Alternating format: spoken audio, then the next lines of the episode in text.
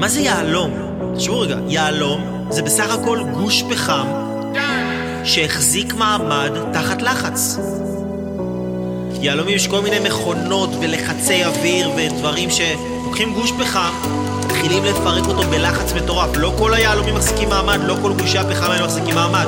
אבל יהלום, מה שבסוף הופך להיות יהלום, זה ההוא שהחזיק מעמד, זה האבן הזו, הפחם הזה שהחזיק הכי הרבה מעמד.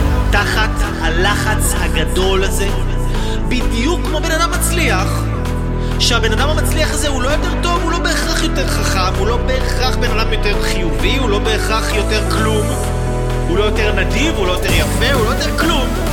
הוא פשוט יותר החזיק מעמד תחת לחץ. תחת הלחץ של הזוגיות, תחת הלחץ של הילדים, תחת הלחץ של הפרנסה, הוא הפך להיות יהלום.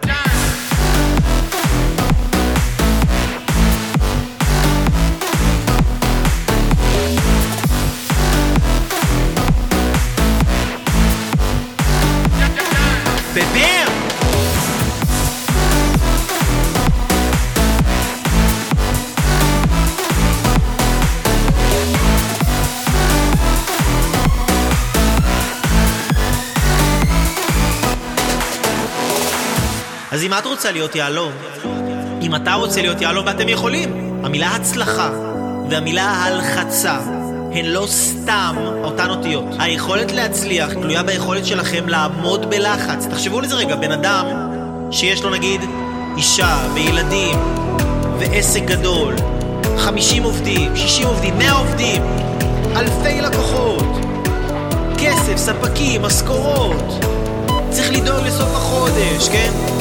יש לו יותר לחץ מבן אדם שהוא רווק, שליח. בן אדם שיש לו יותר אחריות, יותר אנשים לדאוג להם, עובדים, לקוחות, ילדים, אישה, משפחה לדאוג לה, יש לו יותר לחצים, שכירות, יש לו שכירות של משרדים, 60, 70, 100 אלף שקל בחודש, 100 אלף שקל בחודש רק שכירות, לפני משכורות. והמילה הלחצה, הצלחה.